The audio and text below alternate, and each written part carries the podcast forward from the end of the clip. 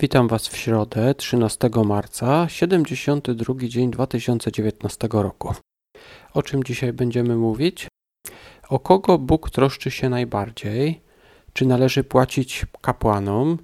Komu najpierw zapłacono 30 srebrników? Kto może zapewnić prawdziwe ocalenie? Co jest cenniejsze od pereł? To takie myśli, które chciałbym dzisiaj poruszyć. Zapraszam Was do wysłuchania kilku moich komentarzy na temat rozdziałów, które były do przeczytania na dzisiaj. Księga Wyjścia, rozdział 22. Mamy tutaj różne przepisy odnośnie kradzieży, zniszczenia itd. Tak Księga Wyjścia, 22 rozdział, werset 21 albo 22 w niektórych przekładach brzmi tak.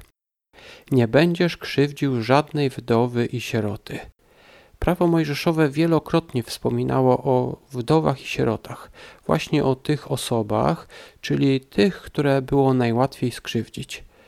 Ktoś, kto miał ojca, ktoś, E, kobieta, która miała męża, mogła do niego e, się zwrócić o pomoc, ale wdowa e, w zasadzie była w bardzo kiepskiej sytuacji. Podobnie było z sierotami. Tak więc takie osoby było najłatwiej skrzywdzić i nic dziwnego, że właśnie o takie osoby najbardziej dbał Bóg, co widać chociażby w przepisach prawa mojżeszowego. Druga kronik, rozdział 31. Ci Izraelici z dziesięcioplemiennego Królestwa Północnego. Jak czytaliśmy wczoraj, byli na pasrze, byli zaproszeni na paschę do Judy, teraz wrócili do swoich krajów, do swojego kraju na północy i tam poburzyli ołtarze fałszywych bogów. W tym czasie król Ezechiasz dalej oczyszczał różne rzeczy i między innymi zorganizował pracę w świątyni. W drugiej księdze kronik, 31 rozdziale, w wersecie czwartym czytamy – Rozkazał też ludowi, mieszkańcom Jerozolimy, aby oddawali części należne kapłanom i lewitom, aby mogli oni wytrwać w prawie pańskim. W przeszłości, przed czasami króla Ezechiasza, lud nie przynosił dziesięcin, tak więc kapłan musiał sam obsiewać pole, e, paść owce, czyli po prostu robić takie normalne rzeczy, aby utrzymać swoje rodziny. Teraz, kiedy przynoszono te dziesięciny, kapłani i ich rodziny mogli się utrzymać z tego, y, co dostali właśnie w postaci tych dziesięcin.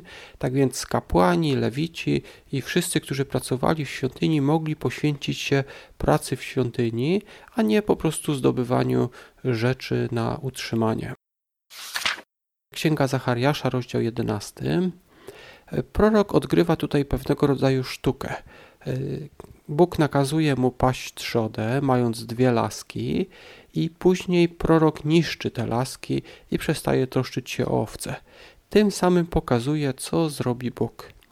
Zachariasza 11 rozdział, werset 10 mówi tak. Wziąłem moją laskę łaskawość i złamałem ją na znak zerwania przymierza, które zawarłem z wszystkimi ludami. E, mowa jest tutaj prawdopodobnie o zerwaniu przymierza. Chodzi o to, które było zawarte przez Mojżesza. E, chodzi właśnie o to przymierze z Izraelem. E, tym bardziej wydaje mi się to słuszne, że to chodzi o to przymierze, jeżeli wziąć pod uwagę to, że w tym rozdziale mowa także jest o wycenieniu na 30 srebrników, co zdaje się wskazywać właśnie na Jezusa Chrystusa, który został zdradzony za tą sumę później a i on zawarł przecież nowe przymierze po zerwaniu tego starego.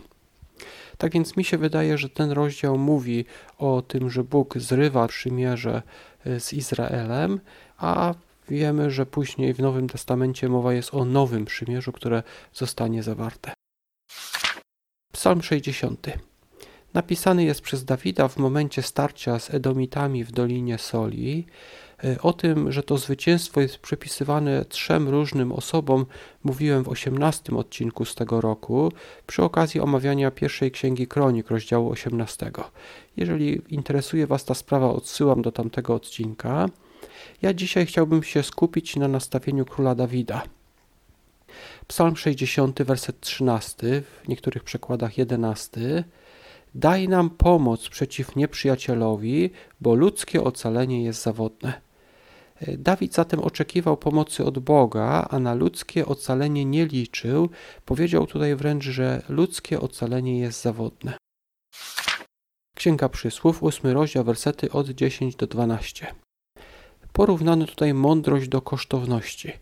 Przysłów 8, 11 czytamy tak. Bo mądrość cenniejsza od pereł i żaden klejnot nie jest jej równy. Mądrość jest bardzo cenna, jest najcenniejsza. E, skąd to wiemy? Ludzie płacą pieniędzmi, czyli kosztownościami, płacą za to, żeby zdobyć mądrość, na przykład płacą za edukację. Tak więc mądrość, wiedza naprawdę jest warta więcej niż kosztowności. Czego się dzisiaj mogliśmy nauczyć? Bóg troszczy się najbardziej o tych, którzy nie mają nikogo. Jeżeli chcesz naśladować Boga, rób tak samo. Także troszcz się o tych, którzy nie mają nikogo, na przykład o wdowy i sieroty. I druga taka sprawa, którą może warto zapamiętać, warto wydawać pieniądze na zdobycie mądrości. Mądrość jest naprawdę bardzo cenna. Dziękuję Wam za wysłuchanie. Zapraszam do kolejnego odcinka jutro. Do usłyszenia.